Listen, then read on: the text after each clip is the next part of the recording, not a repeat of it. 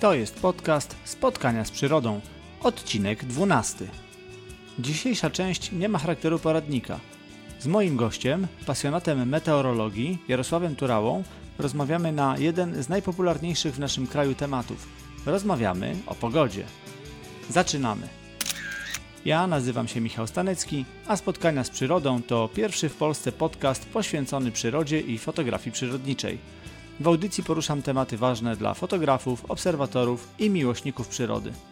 Zapraszam gości, czasem zawodowców, czasem amatorów, ale zawsze pasjonatów przyrody, specjalistów z różnych dziedzin.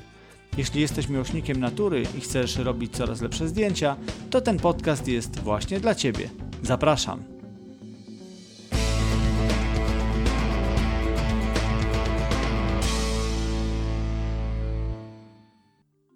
Kalendarz przyrodnika, czyli co w trawie piszczy.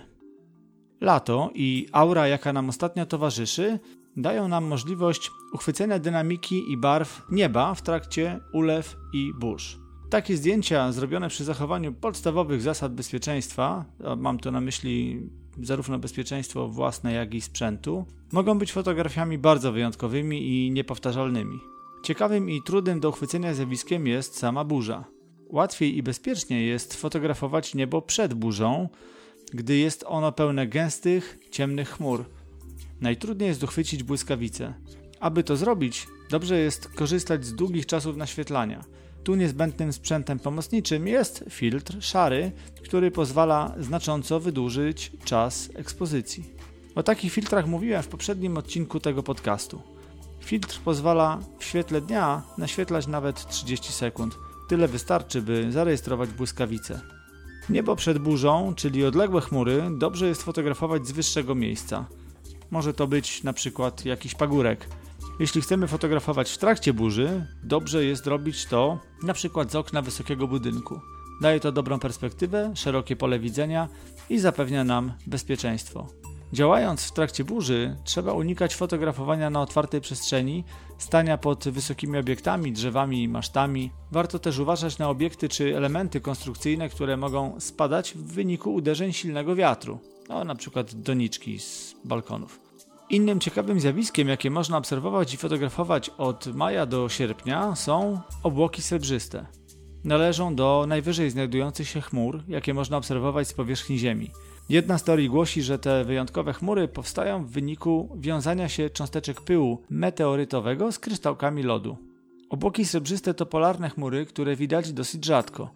Widziane bywają w półmroku przy zmierzchu lub świcie, kiedy słońce jest kilka do kilkunastu stopni poniżej horyzontu.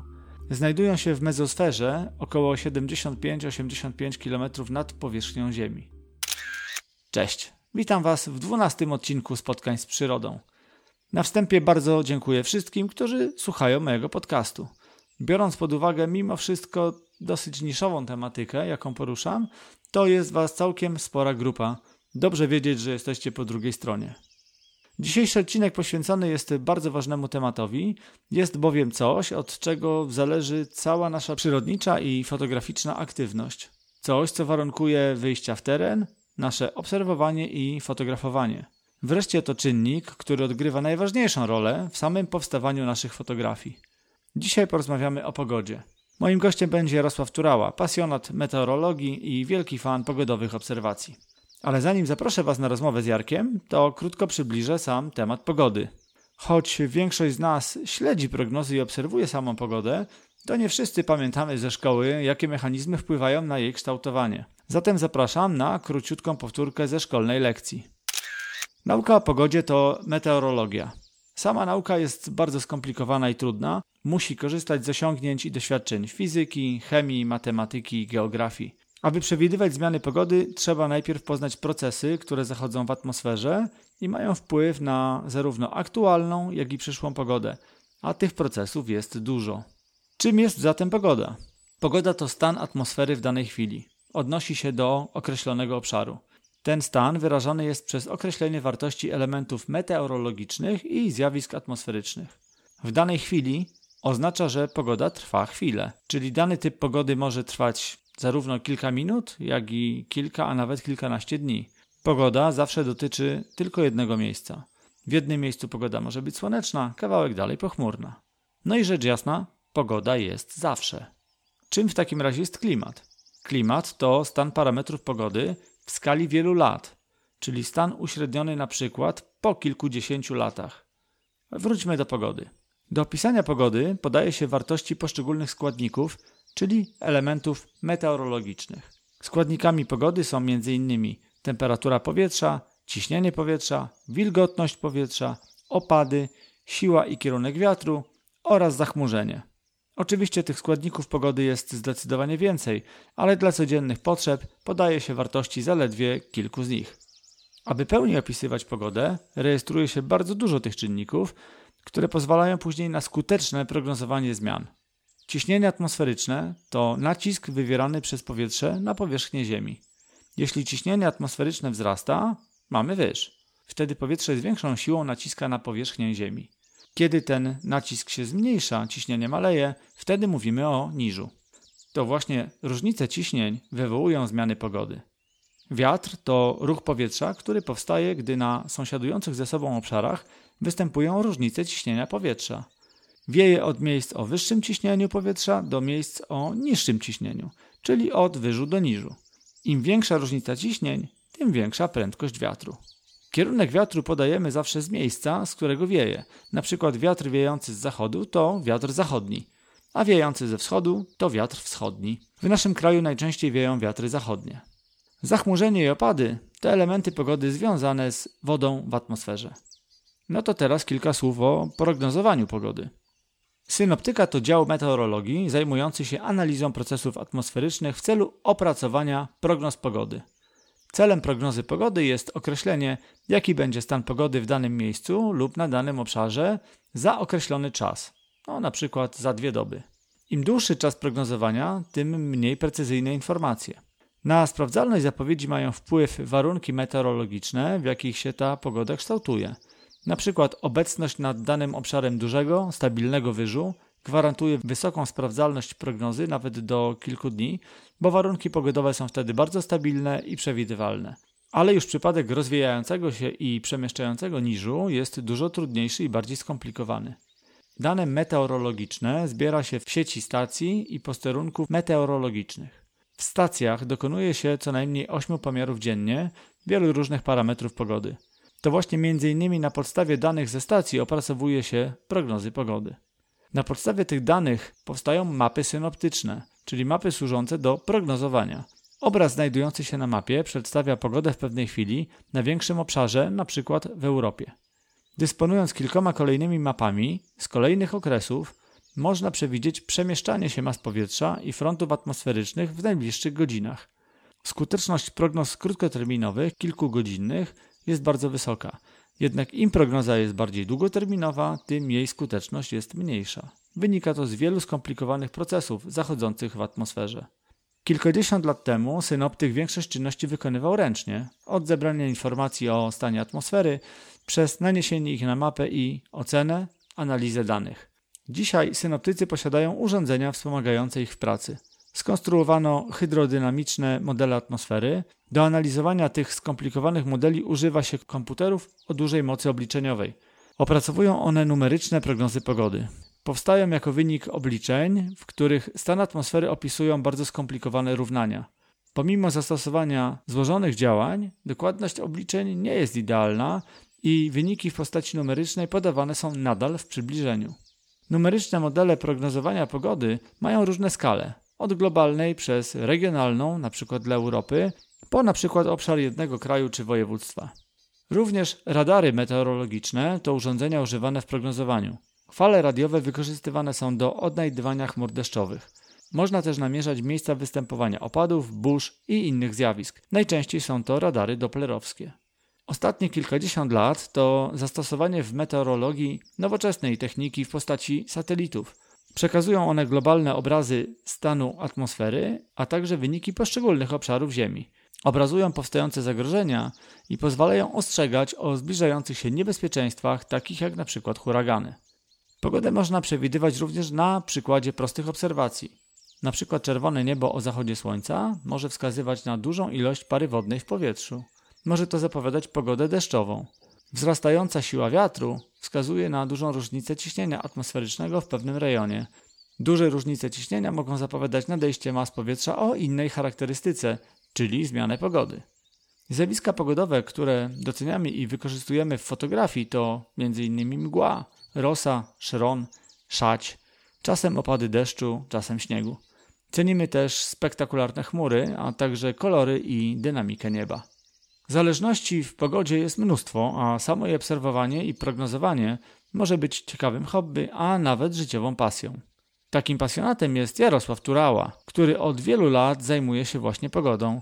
Jako meteorolog amator obserwuje niebo, fotografuje chmury, a czasem nawet goni burze. Zapraszam do wysłuchania rozmowy z Jarkiem.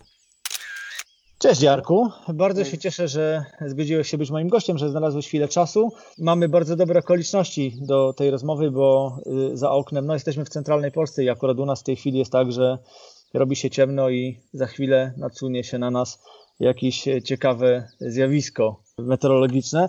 Chciałbym, żebyś się przedstawił naszym y, słuchaczom. Od tego zacznijmy. Witam serdecznie, Jarosław Turała, y, handlowiec, natomiast pasjonuje się meteorologią ponad prawie 30 lat.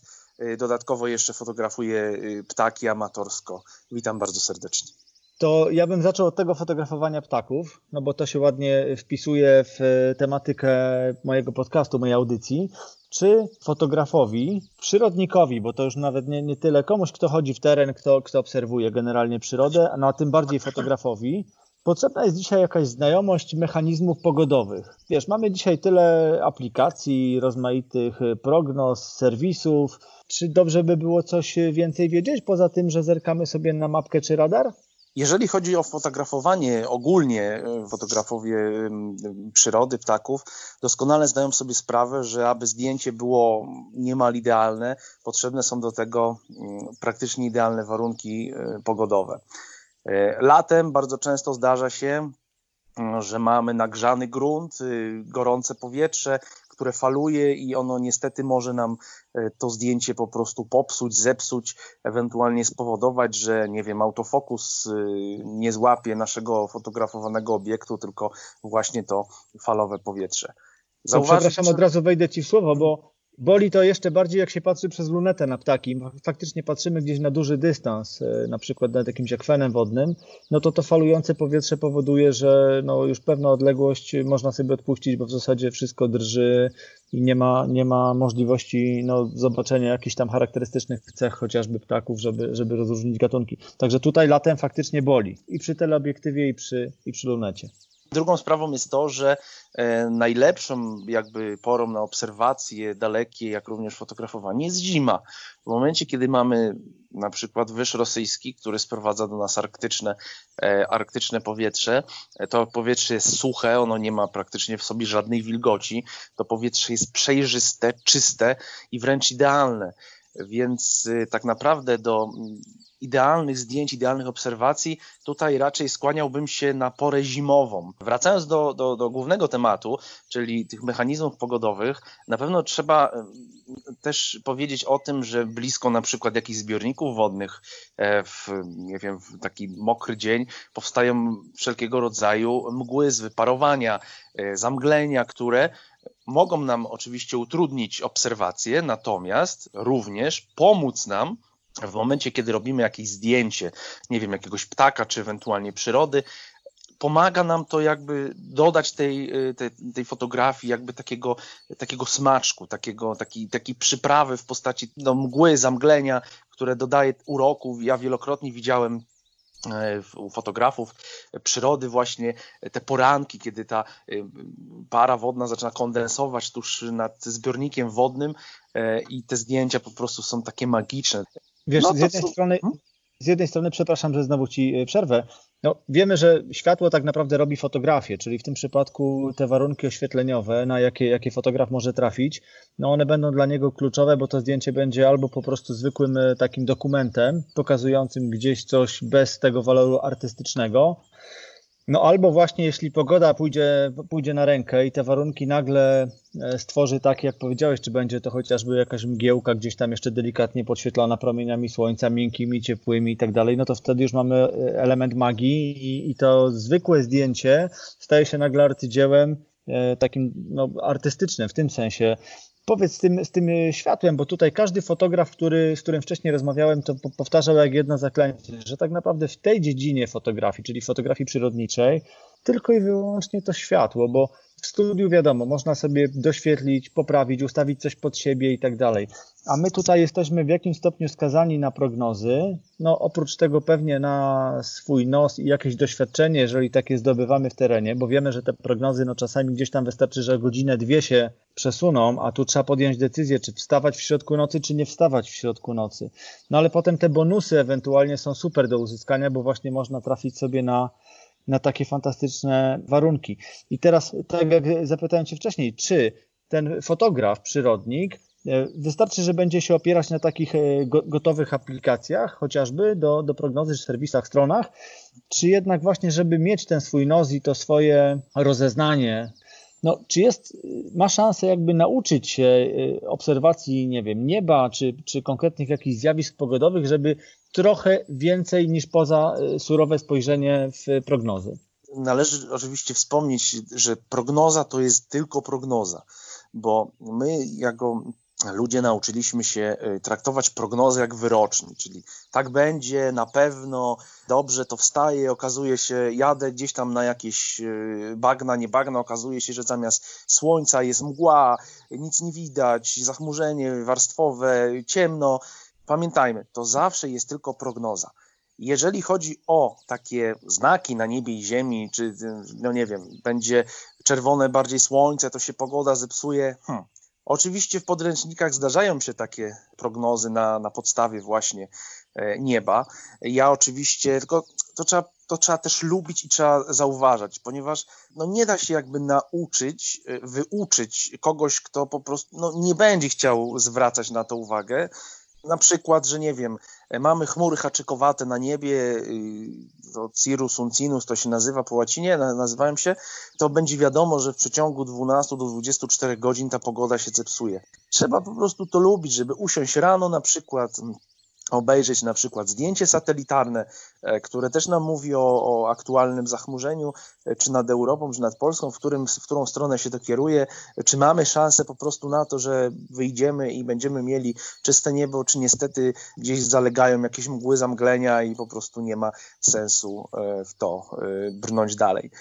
Tak jak powiedziałem na początku, to jest tylko prognoza, to zawsze jest tylko prognoza i ona się może sprawdzić oczywiście w 100%, natomiast rzeczywistość bywa często tak brutalna, że te prognozy się niestety, mimo zapowiedzi, mimo miliona aplikacji, miliona stron internetowych, które mówią o jednym i tym samym, niestety e, ta prognoza może się nie sprawdzić, więc no tutaj też jest jakby troszeczkę element ryzyka, element y, totolotka. Oczywiście zdarzają się sytuacje, kiedy sytuacja ogólnie baryczna nad Europą jest tak stabilna, praktycznie prognozy pogody pod tytułem będzie piękne słońce, bezchmurne niebo sprawdza się. Szczególnie jest to latem, bo zimą może się zdarzyć, że mimo bezchmurnego nieba będziemy mieli do czynienia z jakimiś tam mgłami, zamgleniami e, przez też inwersję osiadania powietrza. Natomiast zdarzają się sytuacje, tak jak e, u mnie, ja sobie też to analizuję, że mamy stabilny, stabilny wyż gdzieś w Skandynawii, czy ewentualnie w centralnej Europie, szczególnie w okresie wiosenno-letnim i w tym momencie te warunki są tak stabilne, że która prognoza mi nie powie, że będzie ładnie, to po prostu tak będzie. A słuchaj, czy my jako ludzie dzisiaj, tak można powiedzieć już e, cywilizacyjnie, my umiemy przewidywać tą pogodę, prognozować? Bo wiesz, na przykład jak słyszę e, prognozy, czy, czy, czy czytam prognozy, które są, wybiegają dzień, dwa do przodu, okej, okay. natomiast jeżeli słyszę, wiesz, chociażby tak zwane prognozy długoterminowe, no to zawsze gdzieś z tyłu głowy pojawia się taka myśl, czy, czy my faktycznie już, już umiemy takie rzeczy robić? Pamiętać należy, że prognozy długoterminowe opierane są przede wszystkim na modelach synoptycznych, które są, y, to są e, takie modele, które wybiegają bardzo, bardzo daleko w przyszłość. Jednym, jednym, jednym z takich modelem jest model CFS wersja druga i on tak naprawdę już dzisiaj, powiedzmy mamy czerwiec, możemy spokojnie na sierpień zobaczyć, co tam mo może się u nas dziać. Można powiedzieć, że to w sumie nie jest jakby, to jest taka, to jest taka wróżba. No ja na przykład wychodzę z założenia, że prognozowanie na więcej niż na 3 dni max to jest zupełnie bez sensu. No, ktoś, kto opowiada, że za 10 dni będzie w internecie, oczywiście są 16, 17, 20-dniowe prognozy. Oczywiście mówię, one są opierane tylko i wyłącznie na modelach, tam nikt absolutnie tego sam nie robi. E, no to się mija z celem. E, wiem oczywiście z doświadczenia, że to wygląda tak, że ta prognoza jest, my ją czytamy, prognoza się zmienia, ale my już nie wracamy do tego, że ta prognoza się zmieniła. Nie, nie wiem, nie ciosamy kołków, że a, ale miało być tak, a jest tak. Po prostu już wtedy za te 10-12 dni po prostu nie pamiętamy o tym, że tą prognozę czytaliśmy i ona się nie sprawdziła. Natomiast z mojej strony, tak jak powiedziałem, e, ja absolutnie nie podejmuję się, ja zresztą zawsze jak mnie ktoś tam pyta, czy, czy z telewizji, czy z radia, jak mam okazję się wypowiedzieć, e, jakie będzie lato, jaka będzie wiosna, jaka będzie, nie wiem, jesień, żyjemy w, w szerokościach geograficznych, no, nasz klimat jest umiarkowany, przejściowy. I tutaj tak naprawdę, czy to będzie wiosna, czy lato, prosty przykład. Rok temu mieliśmy srogie upały, było 38 stopni na zachodzie kraju, pobił, zostały pobite e, wszelkie rekordy, mm, niektóre lokalne temperatury, a w tym roku mamy deszcz, burzę, upału praktycznie nie ma, lokalnie tam gdzieś wystąpił na północnym wschodzie i wschodzie, Także widać, jak ta pogoda po prostu nad naszym, na, w naszych szerokościach geograficznych e, potrafi się zmienić, bo e, w zeszłym roku dostałem informację, że no skoro teraz będzie od ludzi, którzy u mnie też na fanpage'u piszą, że skoro było 38 stopni prawie przez e, tydzień, te 30 się utrzymywały dość długo, w zasadzie nawet dwa tygodnie i później to, to wszyscy się bali, że no w tym roku będzie jeszcze gorzej, że będzie 40, że będzie 45. Oczywiście lato się dopiero zaczęło, astronomiczne, więc nie można niczego wykluczyć, ale ten, y, ten rok, ten interwał no, pokazał, jak ta pogoda jest inna że nie, w czerwcu nie ma upałów, tylko mamy taką słotę, jakby e, ludzie teraz py, pytają się, e, no panie Jarku, no jak to, no, kiedy będzie prawdziwe lato, bo no, ludzie chcą wypocząć, wiadomo, no pandemia, ograniczenia, ludzie chcą wypoczywać, a tu zamiast prawdziwego lata, upału e, mamy 25 stopni, ciągłe deszcze, teraz nawet nad Małopolską mamy problem z, ze zbierającymi wodami, tam są zalania, podtopienia, bym powiedział, że nawet taka mini powódź i te prognozy też nie są dla południa Polski jakby optymistyczne. Mówię, nasz klimat jest na tyle nieprzewidywalny, że no, możemy się spodziewać wszystkiego. Może być, od, może być od ciepłej zimy po mroźną zimę, może być lato bardzo gorące, suche, może być bardzo deszczowe i e, ciepłe jedynie. Także tutaj, jeśli chodzi o no i to, co mówiłem, to wybieganie dalej, dalej, dalej, dalej w przyszłość, no dla mnie, to, to jest moje zdanie, oczywiście to się absolutnie mija z celem, gdyż e, no, zazwyczaj się te prognozy nie sprawdzają. To, o czym mówisz, że pogoda dzisiaj, czy, czy no pogoda generalnie jest tak zmienna i, i te zmiany potrafią zachodzić tak dynamicznie, to z punktu widzenia no pozwolę sobie tak powiedzieć, nas przyrodników, czyli ludzi z jakimś tam zamiłowaniem do tej, do tej przyrody, do podglądania, przebywania w terenie, to jest super sprawa, nie? Że nie mamy tej pogody takiej bardzo stabilnej, że wychodzimy i powiedzmy, nie wiem, jak w, na 100% niemalże, że od maja to już będzie coraz cieplej, czerwiec upały, lipiec upały, jak gdzieś tam powiedzmy w Hiszpanii, nie? Że już koniec maja to już nie ma trawniku, bo już wszystko jest przypalone, wysuszone. Tak naprawdę my przez kilka lat myśleliśmy, że to idzie w tę stronę, bo faktycznie długotrwałe susze i gorące lata i tak dalej, no ale ten sezon pokazuje, że jednak ha, tu wcale nie musi być jeszcze taka równia pochyła, że tu się ciągle jeszcze dzieje, to, to dla nas obserwujących przyrodę jest chyba bardzo fajna rzecz. Czy ty masz swoją ulubioną porę roku? Ja powiem tak z punktu widzenia meteorologa amatora, każda pora roku jest dla mnie dobra. Dlaczego? Ano dlatego, że zawsze się coś dzieje.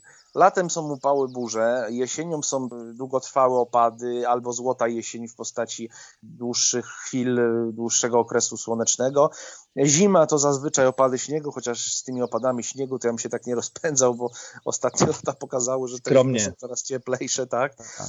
Ale są mrozy, są lokalne gołoledzie, to też jakby zwiększa nam tą paletę tych zjawisk u nas w, w kraju i mówię, dla mnie jako meteorologa amatora nie ma takiej pory, która jest najlepsza. W każdej porze roku się coś dzieje a to jakaś burza zimą, a to nie wiem, jakiś e, niż z południa wiosną, albo jesienią, albo gorące lato, albo mega burzowe z, z też zalaniami, podtopieniami. Także no to dlatego też tą pogodę tak lubię, że ja się po prostu nią zajmuję, bo tutaj w, tych naszych szerokościach nie ma nudy i, i każda pora roku może przynieść e, jakieś nawet zaskakujące e, zjawiska meteo. Wiesz, te pory roku też y, potrafią się po prostu zacierać. Chociażby poprzednie lata były takie, że w lutym to na dobrą sprawę potrafiliśmy mieć super wiosnę, co pokazywały też ptaki, które przylatywały wcześniej. No, niektóre gatunki w ogóle przestały odlatywać, albo gdzieś tam się tylko przemieszczają troszkę bardziej na zachód na przykład i to wszystko.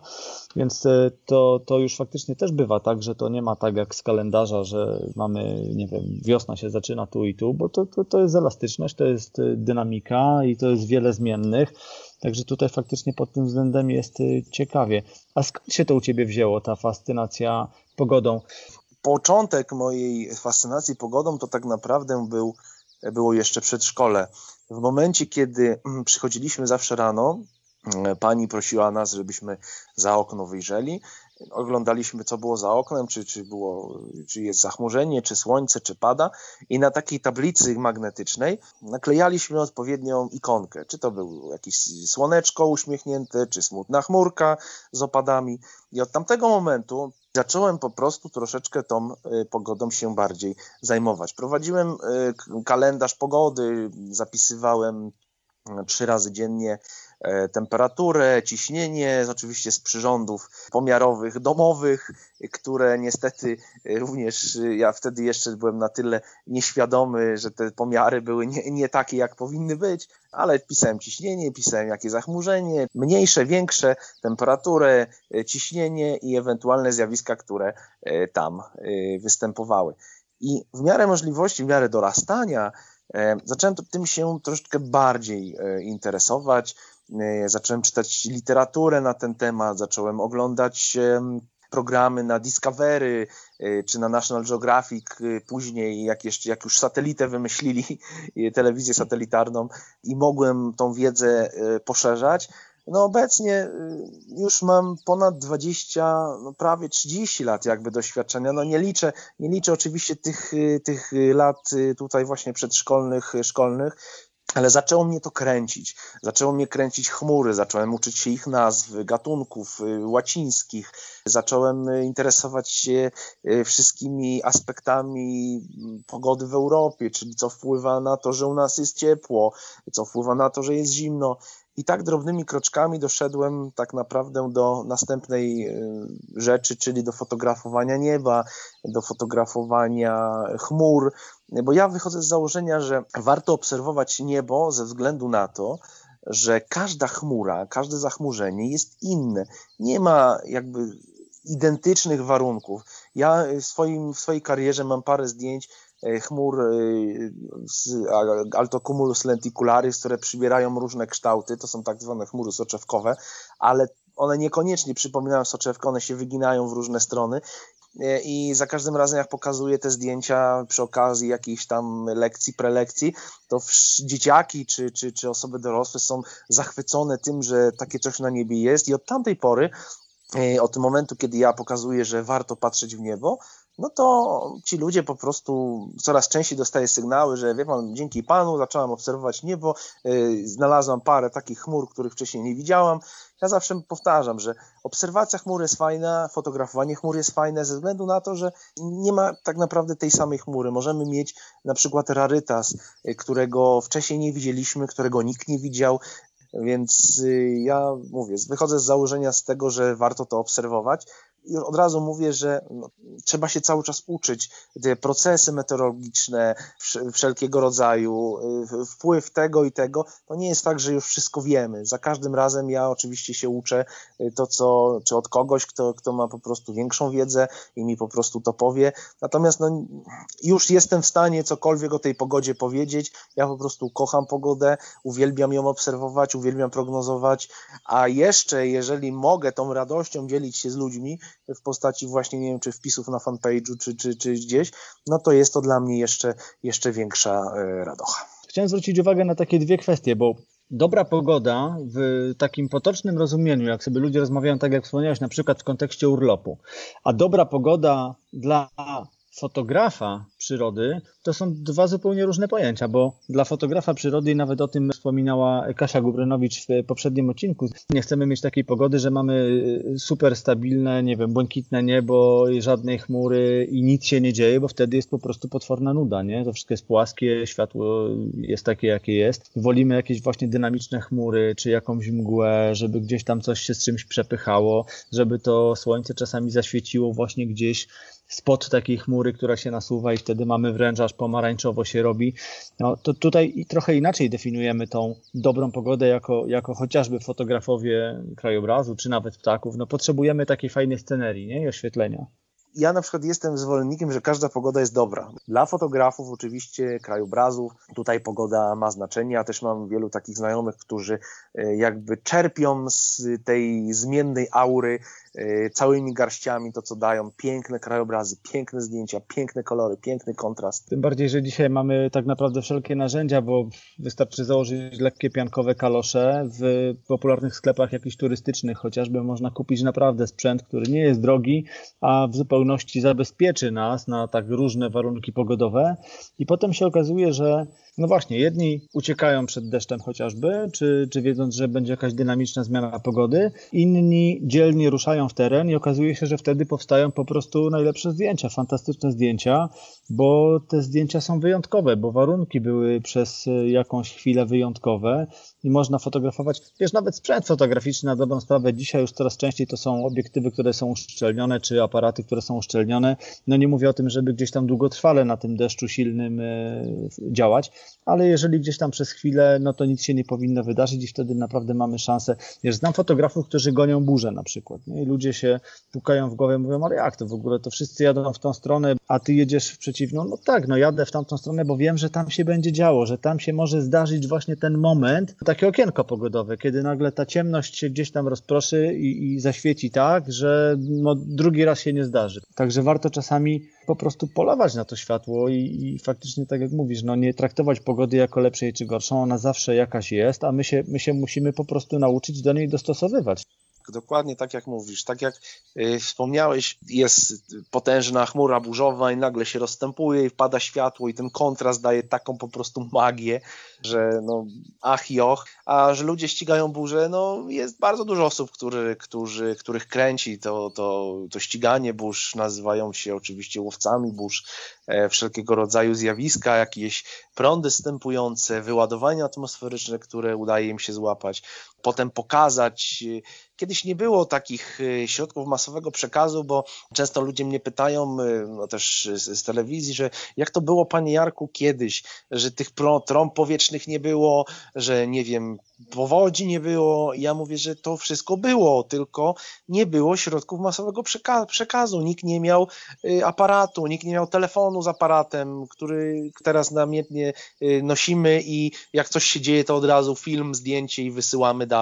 Czasem było tak, że zalało jakąś wieś w Podkarpaciu, a nikt, reszta Polski w ogóle o tym nie wiedziała, no bo, bo, no bo nie było zdjęcia, nie było internetu, nie było niczego, y, co mogłoby Wiesz, mówisz o Podkarpaciu, ale przecież to działa tak, że nie wiem, mamy dzisiaj y, trąbę powietrzną, trzęsienie ziemi na drugim końcu świata i my tak naprawdę 15 minut później już widzimy na pasku informacje, wiesz, w serwisie informacyjnym u nas w telewizji, nie? To kiedyś faktycznie nie, nie do pomyślenia, stąd ludzie bardzo często traktują, że po prostu nie było takich zjawisk. Były i powodzie, były i trąby powietrzne, były i pożary wywoływane przez wyładowania atmosferyczne, były silne wiatry, było naprawdę wszystko, tylko no, dzisiaj mówię, mamy dostęp do internetu, dostęp do wszystkiego, robimy zdjęcie, wysyłamy i każdy, e, czy w Polsce, czy na świecie jest w stanie zobaczyć to, e, co się u nas aktualnie dzieje. To jeszcze raz zahaczę o to szukanie tych ciekawych warunków i takiej dynamicznej pogody, czyli powiedzmy zbliżanie się do burzy chociażby, czy nie wiem, silnych e, wiatrów, e, jakiejś strefy, gdzie faktycznie no, dzieją się takie rzeczy, powiedziałbym, że anormalne wręcz z punktu widzenia takiego zwykłego e, obserwatora. Czy to jest bezpieczne? Taki aspekt BHP poruszmy, jeżeli mówimy o tym byciu w terenie. Zauważyłem taką tendencję, że więcej osób ginie u nas od y, powalonego drzewa, czyli że te drzewa się przewracają, a, a nie od uderzeń pioruna, jak to wszyscy mówią, że bo piorun razi, bo piorun zabija. Oczywiście, tak jest. Natomiast e, zauważyłem to, że ludzie są swego rodzaju nieodpowiedzialni w momencie, kiedy mamy do czynienia z tak gwałtownymi zjawiskami. Prosty przykład, matka z dwójkiem dzieci e, parkuje samochód pod drzewem ze względu na to, że leje, tak? I nagle to drzewo spada, matka z jedną córką ginie, druga jest ciężko ranna. To tak jak powiedziałem, większość wypadków śmiertelnych czy obrażeń wywołują nie same uderzenia pioruna, ale na przykład oberwana dachówka, która leci, albo y, właśnie walące się drzewo. W porze letniej drzewo ma liście te liście stawiają opór, jeżeli chodzi o wiatr, który mm, wieje, szczególnie podczas zjawisk konwekcyjnych jest on e, silniejszy, a czasem zdarzają się silne prądy stępujące, które e, przy swoją prędkością przekraczają 120 km na godzinę. Jeśli dodamy do tego opady deszczu, nasiąka ogólnie cała gleba, ona się robi miękka, uderza wiatr z prędkością, no niech będzie 90-120 km na godzinę i takie drzewa się po prostu przewracają.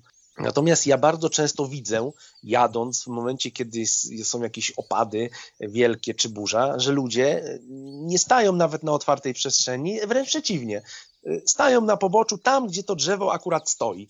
No i zadaję sobie wtedy pytanie, o co tutaj chodzi, bo y, grzmią mi serwisy pogodowe i ja też ogólnie y, w momencie, kiedy się ma coś dziać, to staram się wspominać o tym, że nie należy stawać pod drzewem, nawet samochodem, bo po prostu to drzewo może się na ten samochód przewrócić. Druga sprawa, nie, jeżeli burza nas zaskakuje, to na pewno nie możemy przebywać na otwartej przestrzeni.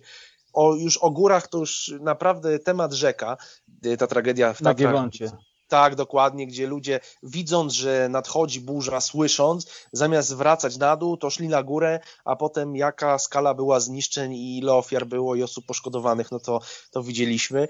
I ja też się wypowiadałem na ten temat i po prostu to mnie trochę przeraża taka beztroska, że ja muszę wejść, jestem tutaj, ja muszę wejść. Nieważne jest moje bezpieczeństwo, nieważne jest... Jest taki, takie myślenie chyba na zasadzie nie po to odstałem tutaj w kolejce dwie godziny, żeby teraz schodzić, nie? Także idę w zaparte do góry. To jest wręcz przerażające przerażające, że my zamiast y, być odpowiedzialnymi ludźmi, stajemy się wręcz mniej odpowiedzialni.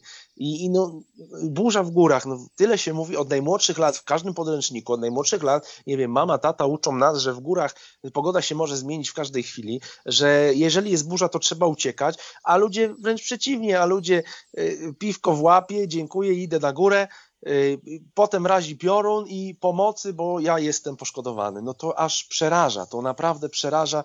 Czasami są takie sytuacje, których no, mimo wszystko nie jesteśmy w stanie przewidzieć, bo sam o tym wspominałeś i, wiemy, że ta pogoda czasami jest aż tak dynamiczna, a prognozy się rozjeżdżają.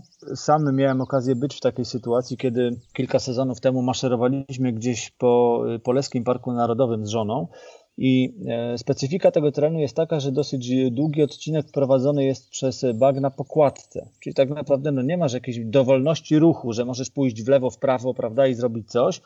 No i przyjechały takie chmury, to była naprawdę bardzo, bardzo dynamiczna akcja. No i zaczęło coraz mocniej e, błyskać i, i, i pojawiły się pioruny wyładowania.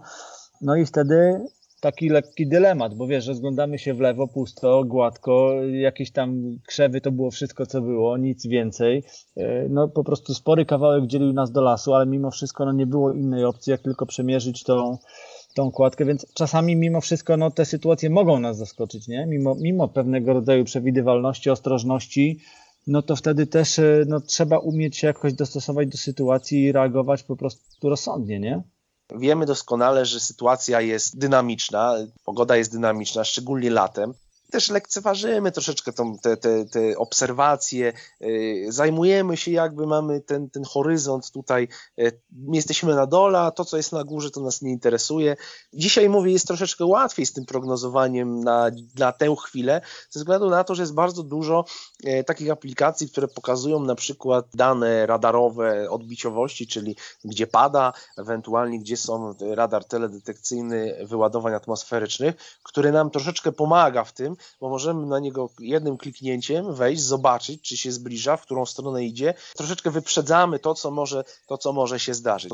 Czy patrząc na taką y, pogodę, jaką mieliśmy w ostatnich latach, y, to tak bardziej już sezonowo powiedziałbym, jesteś w stanie mm, no, zaryzykować mimo wszystko, tak to ujmę, i, i, i pokusić się o takie przewidzenie którą stronę my zmierzamy. No bo to, że klimat się zmienia, nie jest dzisiaj żadną tajemnicą, choć są jeszcze ludzie, którzy w to nie wierzą. No to jednak jest to już naukowo udowodnione. I teraz ostatnie lata mieliśmy takie, że trochę bardziej wysychaliśmy. Temperatury, zwłaszcza latem, szalały. Wspominałeś o tym, że biliśmy rekordy. upały, które przechodziły przez Polskę. E, przewiduje się, że niektóre tereny będą wręcz pustynnieć. No akurat teraz jesteśmy w takim momencie sezonu, który troszeczkę odczarowuje nam tą, tą pustynię, y, suszę, ale czy, czy faktycznie jest taka tendencja, że, że odważysz się powiedzieć, że na przykład jednak te następne lata mogą być takie i takie? Myślę, że tak. Klimat się ociepla oczywiście, y, urbanizacja wzrasta, tego, tych zjawisk pogodowych będzie na pewno więcej, w sensie tych dynamiczniejszych. Nasza y, szerokość geograficzna y, powoduje, że u nas jest dynamicznie, że u nas jest raz tak, raz tak. Tutaj największą bolączką jakby do zmian klimatycznych jest stawianie wszelkiego rodzaju fabryk, magazynów, domów, wszędzie tam, gdzie kiedyś były tereny zielone i tej zieleni, która mówię, ma też wpływ na mikroklimaty i na klimat ogólnie u nas w kraju, e, no pozbywamy się tego. No, klimat się powoli, powoli zmienia. Zawsze jak coś się dzieje dynamicznego, właśnie jest ulewa, burza, tornado, e, czy, czy trąba powietrzna, czy, czy, czy jakiś, nie wiem, ciepła zima, to zaraz zadajemy sobie pytanie, ale dlaczego, ale jak to? Podczas na przykład za trzy lata wszystko wraca do normy, e, zimą jest mróz i śnieg, latem jest ciepło, gorąco, a wiosna i jesień też pokazują swoje dobre i złe strony. Dobrze by było też, żebyśmy jako, jako ludzie wiedzieli o tym, że bo widzisz, sytuacja na przykład, y, która też nie pomaga jakby rozumieć tych procesów gdzieś długofalowo, no chociażby to, że, że jeszcze niedawno mieliśmy suszę typową, bardzo sucho, to zresztą no, w okresie, w którym e, płonęła Dolina Biebrzy i faktycznie mówiliśmy o suszy i było takie realne e, ryzyko, że tych pożarów w tym sezonie może być więcej, czy będą to pożary lasów, ale nagle wszystko się zmieniło, przyszły deszcze, no i nagle ludzie dzisiaj pytają, no i jak to, to co z tą suszą, gdzie ta susza? Miała być taka susza, a teraz nagle proszę, od tygodnia pada deszcz. No, my na tą suszę pracowaliśmy przez kilka sezonów, które faktycznie były ciepłe i suche. No i to, że, że chociażby cały czas zdarza mi się jeszcze słyszeć w radiu prezentara, który mówi, no niestety będzie padać deszcz. Jeżeli chodzi o sprawę suszy, ludzie suszę odbierają tylko wtedy, jeżeli odbiorą, że, ty, że tej wody jest mało, w momencie, kiedy nie będzie wody w kranie. Natomiast do momentu, kiedy ta woda w kranie będzie, większość ludzi Jesteśmy ma to. Jesteśmy beztroscy po prostu. Dokładnie, wszyscy, znaczy no, większość ludzi ma po prostu, brzydko mówiąc to gdzieś, no jest woda w kranie, to znaczy, że suszy nie ma, tak, a umierają y, wszelkiego rodzaju jakieś tam y, no, przyroda, ptaki nie mają co pić, y, no, teraz mamy taką sytuację, że znowu pada, ale to, co powiedziałem na początku naszej rozmowy, że my żyjemy w klimacie umiarkowanym, przejściowym, gdzie zdarzyć się może dosłownie wszystko że my nie mamy, e, tak jak w strefie równikowej, że rano wstajemy, mamy 30-35 stopni, a wieczorem na pewno będzie burza e, z ulewnym deszczem i tak 365 dni w roku. Nie, u nas jest tak, że jednego dnia może być zimno, drugiego dnia może być gorąco, e, trzeciego dnia może być ulewny deszcz, a czwartego, nie wiem, silny huraganowy wiatr, bo jakiś ośrodek niskiego ciśnienia nam się nad Polską tutaj zakręcił. Więc to też świadczy też o naszym, o naszym właśnie klimacie, że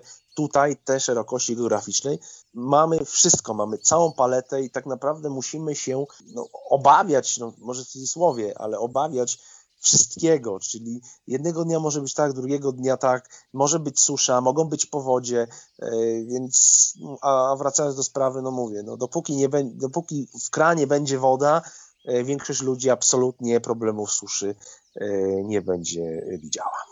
Zapętlę teraz i wrócę do początku naszej rozmowy, czyli do tego kontekstu fotograficznego, przyrodniczego. Wielu moich kolegów czy koleżanek no, jest żywo zainteresowanych prognozami, no bo wiadomo, przekłada się to bezpośrednio na to, co, co, co robimy, czyli na wszystkie nasze wyjścia w teren. I no, sam o tym wspomniałeś, że mamy dzisiaj do dyspozycji naprawdę mnóstwo rozmaitych serwisów i aplikacji. W naszym środowisku bardzo często używana jest aplikacja, czy też, y, czy też zaglądamy na strony y, ICM Meteo, czyli Interdyscyplinarne Centrum Modelowania Matematycznego i Komputerowego Uniwersytetu Warszawskiego. Mądrzy ludzie stworzyli taki fajny serwis. No i teraz dochodzimy do tego, że mamy narzędzie, ale trzeba się nauczyć z niego korzystać, czyli nauczyć się czytać te prognozy. W przypadku tych prognoz numerycznych modeli, gdzie mamy jakieś wykresy, słupki, wiesz, do tego, do tego zmierzam, nie? że to nie jest tak, że będzie napisane, że jest chmurka z ikonką deszczu i 20 stopni, tylko tam trzeba jednak prześledzić odpowiedni wykres, a są one na różnych płaszczyznach y, i, i oznaczają zupełnie różne składowe tej, tej naszej prognozy, więc tutaj y, trzeba się trochę no, nad tym pochylić. E, zgadza się. To jest e, jeden z, jedno z nielicznych, jeden z nielicznych serwisów, gdzie e, mamy mm, prognozę na konkretną godzinę. Czasem zdarza się, że również ten serwis potrafi się troszeczkę Przesunąć. przeszacować, tak przeszacować i niestety rzeczywistość jedno, a model drugie. Natomiast tak jak mówisz, jest to mm, serwis, z którego korzysta bardzo dużo ludzi, którzy szczególnie przy stabilnej pogodzie naprawdę można, no, stabilniejszej może tak, bo tak jak burze mamy teraz, no to burze mają charakter lokalny i mimo, że jest na, narysowane, że będzie, no to może nie być i odwrotnie. Sytuacja e, baryczna nad Europą, czy tam central, Europą, Europą e, centralną jest stabilna, więc ta prognoza ma większą szansę się sprawdzić.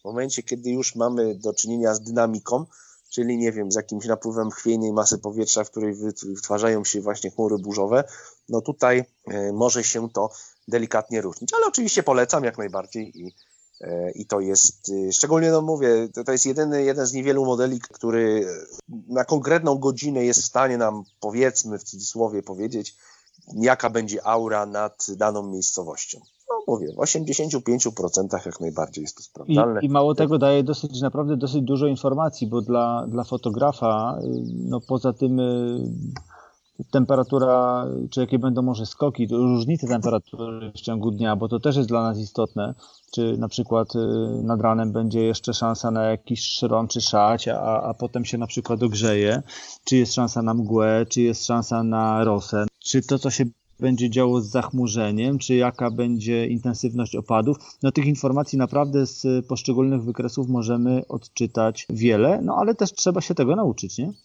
Zgadza się. Ja w większości przypadków y, znajomi, znajomi po prostu patrzą, czy będzie padać, czy nie. Zachmurzenie, wtedy tak, czy ubrać się tak, czy tak. Natomiast no, najważniejsze to, że model, ten model i ta interpretacja jest dosyć łatwa i czytelna, czyli każdy, kto tam wejdzie y, i tak naprawdę poświęci dosłownie, no nie wiem, 50 minut na interpretację słupków, y, bo obok jest też legenda, myślę, że sobie da radę. Mówię, to trzeba mieć taką pasję i trzeba mieć lub taką pracę, która wymaga od nas tego, że tą prognozę trzeba mm, obejrzeć, przeanalizować, a to, a to zdaje się jeszcze tak, że no mamy tych wykresów powiedzmy tam sześć na przykład, ale też możemy czytać, jak to się mówi, między zdaniami, między wykresami. To są tylko składowe, natomiast jeśli weźmiemy pod uwagę na przykład skok temperatury w skali iluś godzin, e, zmianę ciśnienia, czy zmianę siły wiatru chociażby, no to już możemy sobie dopowiedzieć coś więcej niż tylko to, co widzimy tutaj na podstawie tych suchych słupków, prawda? To, to chyba trzeba kombinować też w tą stronę. Zgadza się. Na szczęście są dostępne również mm, takie mapy obserwacyjne lub mapy, mapy rozlokowania układów barycznych. Spadające szybko ciśnienie, no to e, mówi nam, że prawdopodobnie zbliża się do nas ośrodek niskiego ciśnienia. Mówimy o drastycznym spadku. E, wyższa temperatura sugeruje adwekcję ciepłych, czyli napływ cieplejszych mas powietrza, oczywiście zdarza się, że ta adwekcja ciepłych mas powietrza trzeba też no, ogarnąć z którego kierunku, bo jeśli jest to z południowego zachodu, to to powietrze bardziej jest suche, natomiast tak jak teraz mamy ten napływ z południowego wschodu, z nad rejona Morza, z nad rejona Morza Czarnego, tej wilgoci jest mnóstwo. Ja dzisiaj nawet patrząc na swój hygrometr w pokoju, to y, oczom nie wierzyłem, że mamy 77% wilgotności przy, y, no, no może nie bezchmurnym, ale, ale taki, takiej niezbyt deszczowej pogodzie. Więc no, daje, to, daje to do myślenia. Ja, czy ktoś, kto się też tą pogodą, prognozą zajmuje, no to już będzie wiedział, dobrze, spadek temperatury, czyli adwekcja chłodu, może być front atmosferyczny, tu jeszcze opady, e, ten no to front chłodny, jak duży kontrast termiczny, no to może jakaś burza, jakieś gwałtowniejsze zjawiska, e, wzrastające ciśnienie, no to już wyż baryczny, jeszcze i, i, i latem to latem, a zimą no, inwersja osiadania, więc zaraz y, problem smogu. Wiatr, wiadomo, im wyższa prędkość wiatru znaczy się, że jest większy gradient, czyli większa różnica y, ciśnienia na, na, małym, na małym obszarze, więc Tutaj też jest możliwość, że dwa ośrodki baryczne, czyli wyż i niż, są bliżej, są bliżej siebie i ten gradient po prostu powoduje to, że mamy do czynienia z bardzo, z bardzo silnym wiatrem. Ja to umiem czytać i myślę, że niektórzy też to umieją, ale no zawsze wracam do tego, że większość nie zwraca absolutnie na to uwagi, znaczy uwagi nie wie, jakie są konsekwencje, to co mówi, że między wierszami, że idzie niż, że będzie, że jest gradient wyższy. Jest napisane, będzie wiało, to będzie wiało, a co się dalej będzie z tym działo i dlaczego tak jest, a to już mnie nie interesuje. No to w takim razie ja doprecyzuję, bo teraz zostawimy y, Kowalskiego, który tylko zerknie na to, czy będzie słoneczko, czy nie będzie słoneczka, czy będzie parasolka na, na, na ikonce. Weźmy pod, pod uwagę tę grupę ludzi, która się tym interesuje właśnie w kontekście planowanego wyjścia w teren to w jaki sposób sprawdzać prognozy, no chociażby na ten kolejny dzień. Czyli rozmawiamy po południu, gdybyśmy mieli, e, rozważali wyjście w teren jutro rano, jak, jak ty byś nam, fotografom, terenowcom, polecił zabierać się do tematu? Może masz też swoje jakieś sprawdzone, ulubione aplikacje, czy właśnie serwisy pogodowe? Co byś nam tutaj mógł poradzić? Od razu powiem, że nie ma idealnej prognozy. Natomiast co ja mogę polecić? No, jeżeli ktoś zajmuje się prognozowaniem pogody i ma jakie, jakiekolwiek pojęcie o tym, korzysta na pewno z modeli numerycznych. Jest parę takich modeli, które, na które zwracamy uwagę. Jest to model ICON, jest to model GFS. Bardzo dużą rolę odgrywa właśnie rozlokowanie ośrodków barycznych. Bo jeżeli na przykład mamy zimę, i mamy wyż rosyjski, który sprowadza do nas bardzo zimne powietrze i nagle pojawia się na zachodzie E, ciepły front, a widać, tu mówię wyraźnie, bo, bo, bo e, wiele takich e, serwisów ma aktualnie rozlokowane właśnie ośrodki baryczne i z naniesioną, naniesioną sygnaturę na przykład frontów atmosferycznych. I teraz tak, mamy piękne słońce, jest zimno i nagle przychodzi front atmosferyczny ciepły i robi się dżdżysto, robi się mgliście i to jest zimą. Natomiast latem, w momencie, kiedy przychodzi ciepły front atmosferyczny, mamy zachmurzenie duże, mamy opady, mamy burze, mamy znowu front chłodny. I teraz tak, no dobrze, no to zimą jak idzie front ciepły, to nie ma sensu wychodzić, bo będzie mgła. No chyba, że próbujemy zrobić zdjęcie jakiejś rzeczywiście scenerii bardzo mglistej, e, jak najbardziej e, jest ok. Znowu latem, front, wierzmy front chłodny. Front chłodny zimą, zazwyczaj opady deszczu, deszczu ze śniegiem przechodzące w opady śniegu i, na, i nadciąga, że tak powiem, chłodniejsza masa powietrza. Latem, w momencie, kiedy mamy zderzenie na przykład zwrotnikowej masy z masą polarnomorską, idzie taki front y, chłodny z zachodu, musimy liczyć się z gwałtownymi burzami, z gwałtownymi porywami wiatru, z gwałtownymi e, zjawiskami. Oczywiście one nie trwają, e, znaczy trwają, no, w zależności od szerokości może to być tak, że te burze może być jedna i pójdzie, a może być tak, że może być jedna za drugą i przez pół dnia e, będzie grzmiało, lało i, i będzie, będzie źle. Bardzo dobrym pomysłem na obserwację, na przykład czy będzie padać, czy nie padać, czy będzie zachmurzenie, czy nie, jest obserwacja aktualnego radaru no, satelitarnego. Zdjęcia satelitarne pokazują nam akurat, gdzie się, e, gdzie się znajdują chmury, gdzie nawet jest możliwość nałożenia siatki z opadami. To też nam bardzo pomaga, bo my to mamy jakby w czasie rzeczywistym. Poglądam rano, o idzie z zachodu jakaś strefa, no to nie wychodzę w teren, bo, bo będzie padać. A z drugiej strony dobrze, widzę, że zanika, e, czyste niebo od północy, dobrze, czyli przez najbliższe 3-4 e, godziny spokojnie mogę wychodzić w teren, bo będzie ładna pogoda, czysto, czyli czy do fotografii ptaków, czy do fotografii gdzieś tam natury jest, będzie to idealne. To jest dokładnie SAT24, bo już że tak reklamując.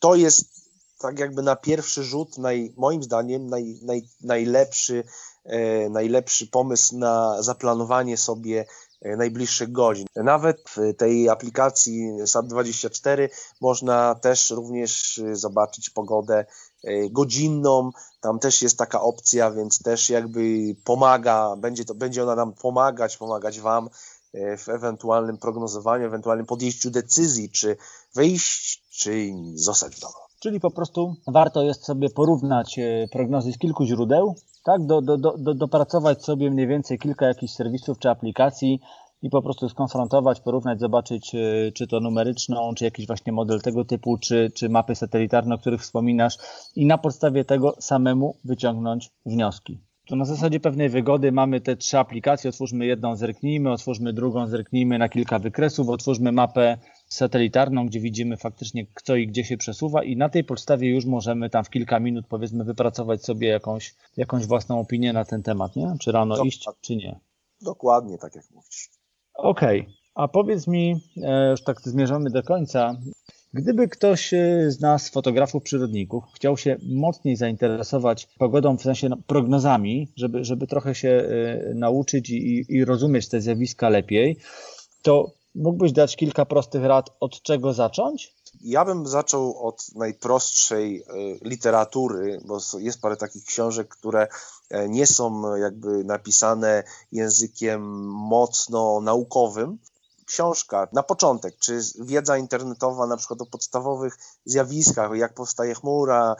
Mam taką książkę, która się nazywa Jak prognozować pogodę. To jest taka malutka książka i ona e, dużo daje, bo ona jest bardzo, ja mówię, tak, dla takiego laika, który to jest pi, jego pierwsza styczność z tym, to jak najbardziej jest to e, jest Taki to elementarz pewnie, nie? Dokładnie. I to jest tak prosto napisane, że po prostu każdy siada i, i a to wiatr skąd się bierze, a to tyle wilgoci, a to jakaś tam mapa jest synoptyczna rozrysowana i jest podpisana odpowiednio, albo jakie zachmurzenie ma, front ciepły, chłodny. Się po prostu fajnie lekko czyta i, i od tego należy zacząć. Później, no...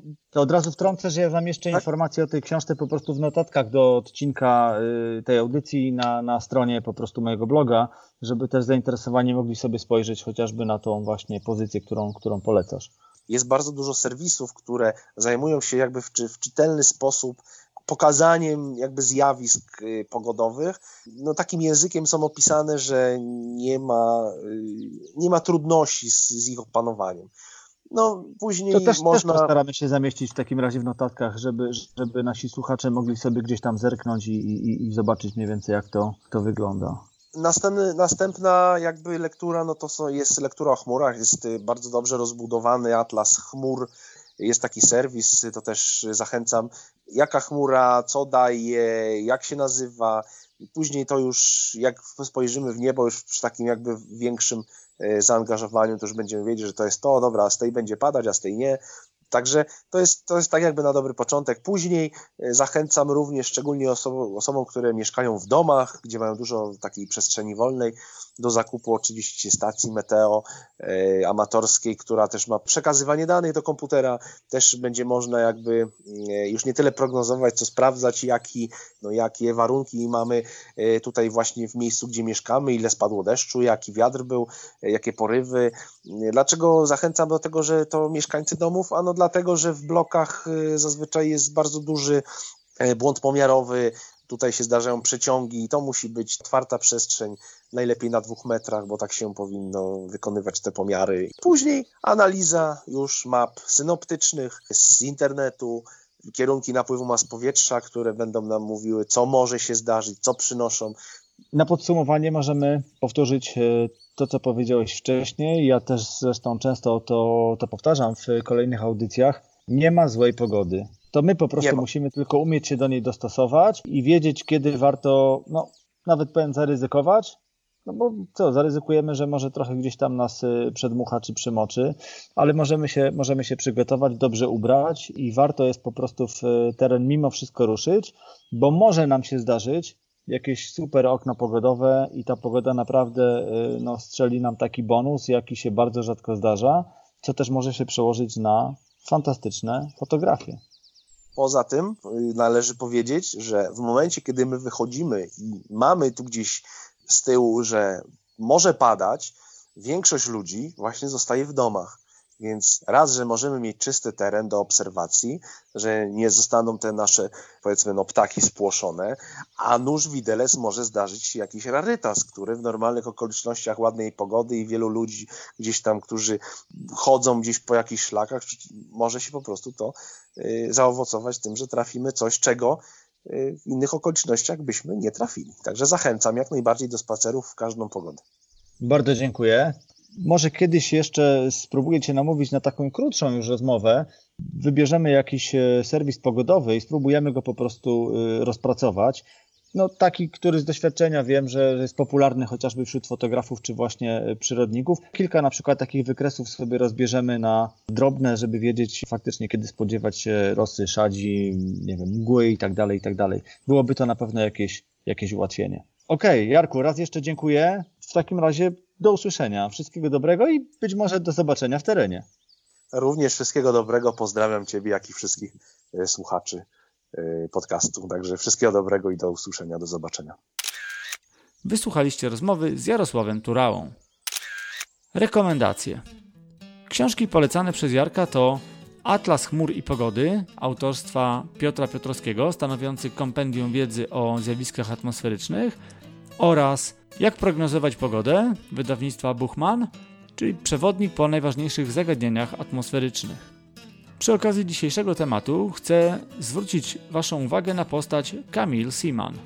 Camille to amerykańska fotografka słynąca z utrwalania wielkich i jednocześnie nietrwałych zjawisk przyrody, gór lodowych i chmur burzowych. Działa na pograniczu fotografii i nauki. Choć nie jest naukowcem z wykształcenia, często towarzyszy z aparatem wyprawom badawczym. Jej zdjęcia przedstawiające imponujące zjawiska naturalne stanowią jednocześnie cenną dokumentację i piękne, artystyczne obrazy. Jej prace były publikowane m.in. w National Geographic i Time. W ramach cyklu zdjęć The Big Cloud Camille Seaman poluje na majestatyczne chmury burzowe. W jednym z wywiadów przyznała, że doświadczenie łowczyni burz nie tylko pozwoliło jej rozwinąć się na nowych polach fotografii, ale również zmieniło jej życie. Seaman nauczyła się dzięki temu, jak wytrwać i zachować spokój w każdej sytuacji. W krótkim wykładzie opublikowanym w sieci opowiada o tym, jak niesamowitym przeżyciem jest fotografowanie chmur burzowych w otwartej przestrzeni. W notatkach do tego odcinka zamieszczam linki do krótkiego wykładu Kamil, a także do jej Facebooka i strony internetowej z niesamowitą wręcz galerią chmur. Na koniec rekomendacji mam jeszcze ważną informację dla miłośników fotografii przyrodniczej z Łodzi i generalnie centralnej Polski. Otóż od 30 czerwca do 11 lipca w Galerii Łódzkiego Towarzystwa Fotograficznego na Piotrkowskiej 102 można oglądać wystawę najlepszych zdjęć fotografów zrzeszonych w Okręgu Łódzkim Związku Polskich Fotografów Przyrody. Jest to wystawa prezentująca zwycięskie i nagrodzone prace w konkursie na Fotografa Roku 2020. W imieniu koleżanek i kolegów z ZPFP serdecznie Was zapraszam. I na dzisiaj to wszystko. W następnym odcinku wraz z kolejnym gościem cyklu Warsztat Fotografa powędrujemy z aparatem w góry. To już za dwa tygodnie. Jeśli podoba Wam się mój podcast, możecie go polubić w źródłach, z których go słuchacie. Możecie go subskrybować albo udostępniać swoim znajomym. Takie działania to dla mnie nagroda za wykonaną pracę, możliwość pozyskania nowych słuchaczy, a dla podcastu dodatkowa promocja. Dziękuję Wam za słuchanie kolejnych odcinków. Dziękuję za dziś. Naturalnie usłyszymy się za dwa tygodnie. Cześć!